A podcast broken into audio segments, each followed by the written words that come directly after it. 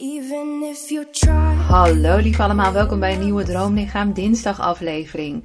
Het jaar komt bijna tot een eind. En ik denk dat het voor veel mensen zorgt dat ze bewust of onbewust toch even stil gaan staan bij het afgelopen jaar. En ook bij het nieuwe jaar. Van hebben we wel stappen gemaakt? We zeg ik, heb ik wel stappen gemaakt? Ben ik wel gelukkiger misschien? Wat is er veranderd? Wat is hetzelfde gebleven? Wat had ik me voorgenomen? En omdat we als mensen vaak geneigd zijn om in het negatieve te blijven hangen. Dit is oprecht zo en dit is ook onderzocht. Wil ik jou drie geniale vragen, wil ik zeggen. Maar gewoon, ja, goede vragen stellen. Die ik niet zelf heb bedacht. Ik werd geïnspireerd door een video ehm, van Marie Forleo, die ik echt al heel lang volg en die ik fantastisch vind. En zij raakt eigenlijk elke keer weer de juiste snaar. Dus ehm, ik moest het met jullie delen.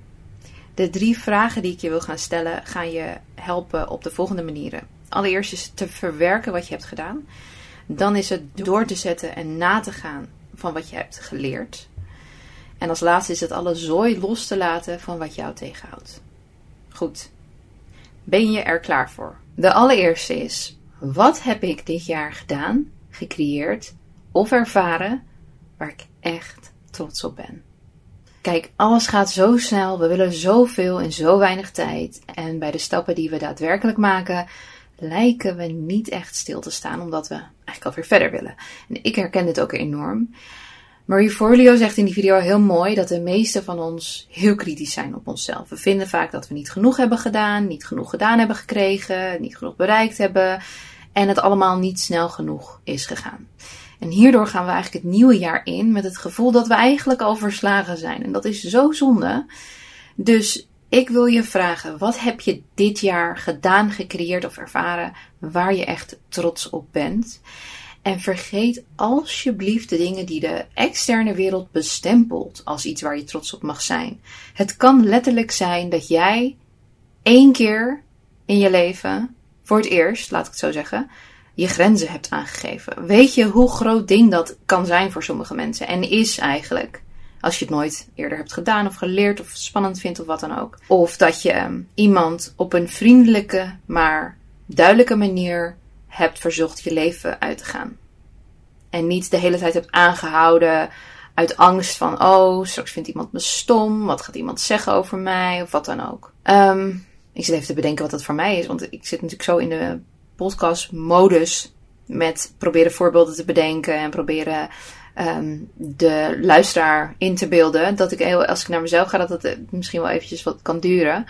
Ah, nou, ik weet het denk ik wel. Ik denk, het eerste wat bij mij opkomt, heeft een beetje te maken met wat ik net zei. Ik ben echt trots op het feit dat ik gevoelsmatig heel anders in het leven sta wanneer ik uh, negativiteit of haatcomments of uh, commentaar, uh, wat dan ook in het echte leven ook, offline dus, krijg, dat het me minder doet.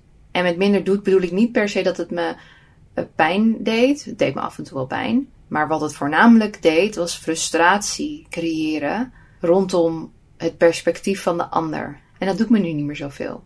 Dus wat er bij mij vaak gebeurde is, als iemand iets stoms zei of zo, weet ik veel. Uh, en laat ik zo zeggen, mijn grootste allergie is iemand uit zijn mening in de vorm van een waarheid. En dan gaat het al helemaal als het over een ander gaat. Dus aannames doen en dan daar een uh, mening op uiten en dan doen alsof die mening de waarheid is. In plaats van ik vind, ik zie dit als, ik ervaar dit. Maar dat, dat kunnen heel veel mensen niet. Dus het is gewoon zwart-wit voor heel veel mensen. En daar vond ik mijn frustratie. Dus als iemand dan iets onaardigs zei, dat in eerste instantie in de vorm deed van een waarheid. Dus, en vervolgens dacht ik vaak, hoe kun je nou zo denken? Nou, laat ik het zo zeggen, dat, dat doet mij minder. Ik heb het heel lang als mijn verantwoordelijkheid gezien om de ander te laten weten dat je niet zo hoeft te denken. Het klinkt heel erg superieur, maar bijvoorbeeld als iemand boos werd op het feit dat ik, nou, toen ik bijvoorbeeld business class vloog naar Mexico, dacht ik, waarom, waarom word je boos? Want jij kan dit ook. En ik kan jou laten uh, realiseren dat de trigger die jij voelt eigenlijk een stukje verlangen is. En dat stukje verlangen, dat kun je gaan omarmen en je kunt er naar je kunt er zeg maar richting bewegen. En ik, en ik nam dan vaak zoveel tijd en ook zoveel geduld met een DM'en met mensen, heel lang heen en weer. Terwijl ik voor van alles werd uitgemaakt, bleef ik soort van geduldig en liefdevol. En als het dan echt uiteindelijk soort van echt niet lukte, dan stuurde ik nog een hartje van, ik wens je nog een liefdevolle dag. Nou, sorry, dat doe ik echt niet meer. en, en dat, je kan zeggen van, oh jeetje, wat lief. Maar dat kwam eigenlijk bij mij voort uit angst, disease to please. Hè? Dus angst dat iemand zou denken, jeetje, wat een kutwijf. Die Tenny. En het is zo makkelijk voor mensen nu om dat te denken, omdat ik niet reageer op hun narigheid of uh, hun blokkeer meteen. Dan denk ik, nou, dit is niet, uh, dit is niet voor mij in, in mijn leven. Doei. En omdat je eigenlijk altijd de pleaser bent geweest en dat nu niet bent, of als ik bijvoorbeeld kortaf een DM reageer, dan heb ik echt mensen die, die denken dat ik boos ben. Eh, maar als ik mij dan ga verantwoorden, ga ik eigenlijk weer terug in de rol van vroeger. Maar als ik wil groeien richting waar ik naartoe wil, dan kan ik niet individueel allemaal mensen in mijn DM heel lang uh, berichten sturen in de hoop dat ik hun kan helpen in iets. Dat is niet meer mijn verantwoordelijkheid. En het resultaat daarvan kan zijn dat mensen mij stom vinden. En het resultaat daarvan kan zijn dat zij met dat verhaal uh, naar andere mensen gaan en zeggen: Oh, weet je wat, Danny heeft gedaan? Zij heeft, zij heeft echt een rottige uh, DM teruggestuurd of zo. Of maar twee woorden teruggestuurd. Echt, uh, wat een bitch. dat zou dus allemaal kunnen. En die realisatie en weten dat dat kan gebeuren, maar weten wie ik ben en welke intentie ik heb en zeg maar de liefde in mijn hart die ik heb, weten dat dat er is, dat is het belangrijkste. En niet hoe het opgevat kan worden. Dus dat is voor mij een hele, hele grote uh, groeifactor waar ik echt super trots op ben. Dat ik weet dat er nu mensen rondlopen met een negatief verhaal over mij en die dat ook graag aan anderen vertellen. Uh, omdat dat hun ervaring is van mij. En dat, dat mag, dat is hun ervaring. Het is niet mijn verantwoordelijkheid om ieder zijn ervaring met mij um, positief te krijgen en te houden. Ik kan alleen maar mijn intentie uh, hebben die positief is. En niet meer de verantwoordelijkheid dragen voor iedereen die iets anders denkt of vindt van mij. Dus dat is voor mij een hele grote. Misschien herken je in zoiets voor jezelf en maakt het beantwoorden van deze vraag iets makkelijker. Ik wilde dus expres ook dit noemen. Niet in de vorm van ik heb x aantal euro's verdiend. Of ik ben, weet ik veel, uh, ik heb deze auto gekocht. En dat mag ook allemaal. Want het, daar kan nog steeds een, een grote factor van trots zijn omheen hangen. En dat is absoluut ook toegestaan. Maar dat hoeft dus niet. Dus als je niet een soort van extern iets hebt bereikt of behaald, uh, wil dat niet zeggen dat je helemaal niks hebt behaald. Persoonlijke overwinningen zijn denk ik het nog het allerbelangrijkste. En daar teer je ook de rest van je leven positief op ten opzichte van het kopen van een bepaalde auto. De tweede vraag is: welke fouten heb je gemaakt waar je van hebt geleerd? En ik hou heel erg van deze vraagstelling, want je kijkt dus niet alleen naar het negatieve van het maken van een fout. Hoewel ik ook niet echt heel, helemaal geloof in fouten. Ik zie altijd het als informatie. Maar om dat dus uh, te voorkomen, dat je het als iets negatiefs gaat zien, benader je het meteen als een les die je hebt geleerd. Positief dus uiteindelijk. We kunnen nou eenmaal niet een leven leiden zonder falen of fouten. En ik vind het een beetje jammer dat er vanuit de maatschappij zo'n negatieve lading omtrent fouten of falen hangt. Want je moet letterlijk falen om succes te hebben. Welk, welk opzicht je ook denkt. En de kunst zit hem eigenlijk in de les die je leert, waardoor het hoe dan ook een toevoeging is op je leven. En I love it. Dat vind ik echt geweldig.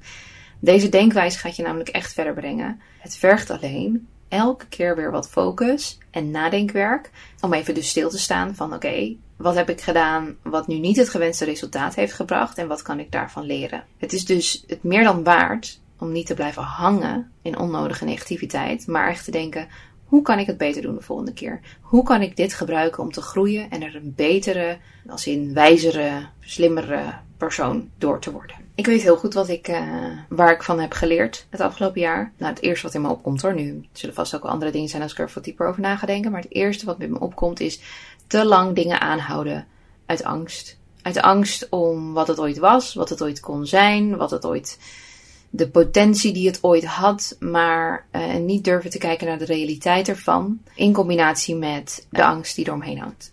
En dat kun je bij jezelf toepassen op van alles en nog wat. Of het nu is een relatie waar je zit, een vriendschap, een baan. Ja, een keuze die je hebt gemaakt en eigenlijk niet meer durft terug te draaien. Uit angst van wat mensen ervan zullen vinden. Uit angst van um, de potentie die je daardoor mist, terwijl je het eigenlijk niet meer voelt. Voor mij heeft het dus daarmee te maken. Te lang aanhouden van, um, van iets waar niet zoveel liefde meer in zit, maar het eigenlijk alleen maar uit angst is en uit gevoel van verlies van potentie. Dus dat. De derde vraag is: wat ben je bereid los te laten? Dus wat is iets wat je niet gaat meenemen naar het nieuwe jaar? En dat kan een fysiek iets zijn, dat kan een mentaal ding zijn, ehm, dat kunnen bijvoorbeeld extra kilo's zijn tot ehm, een bepaalde persoon, tot een bepaalde eigenschap. Wat gaat jou een luchtiger, lichter nieuwjaar geven? Wat is iets wat nu zo zwaar op je schouders duwt, waardoor je weet dat je onder een soort vanzelfde schaduw het volgende jaar ingaat als je nu niet bewust gaat besluiten om dat los te laten. Jij weet heel goed wat het is bij jezelf. Ik ben bereid om, uh, om iets los te laten en ik ga er uh, in deze podcast nog niet te veel op in. Jullie gaan het echt horen binnenkort, maar uh, nu nog even niet. Maar dat is iets wat ik dus echt, ja, ik weet dat laat ik los. En omdat ik het loslaat en al in mijn hoofd heb losgelaten, komt er heel veel energie en passie en zoveel enthousiasme vrij. Qua ruimte ook. Dat ik weet dat het een goede beslissing is. Maar het is iets wat ik niet ga meenemen in het nieuwe jaar. En om in droomlichaamtermen te blijven, misschien een idee voor je. Dat je het volgende niet gaat meenemen in het nieuwe jaar. En dat is dat de gedachte dat geluk en een slanker lijf aan elkaar gekoppeld zijn. Dat je dat idee, die gedachte gaat loslaten. Dat kan een beetje eng zijn, want heel veel mensen hebben een heel leven opgebouwd met de gedachte van straks. Straks als ik slank ben, ben ik gelukkig. En als ik gelukkig ben, dan heb ik een relatie. En als ik een relatie heb, dan ga ik eh, uit eten. Ga ik op vakantie met een relatie naar warme landen. Dan doe ik een bikini aan. Dan doe ik, uh, ben ik slank, dus dan doe ik ook uh, jurkjes en korte broekjes en rokjes aan. En dan is alles zoals ik het wil in mijn hoofd, maar nu nog niet. En de gedachte om te doen alsof dat nu dus al zo is, betekent dat er ineens heel veel nieuwe keuzes zijn die je moet maken. En dat willen veel mensen vaak niet. Dus blijven ze ja, veilig in hun comfortzone met de gedachte van oké, nee, straks als dat is gebeurd, dan durf ik al die dingen. Dus heb jij een heel leven wat op jou wacht, vertelde ik laatst in de podcast.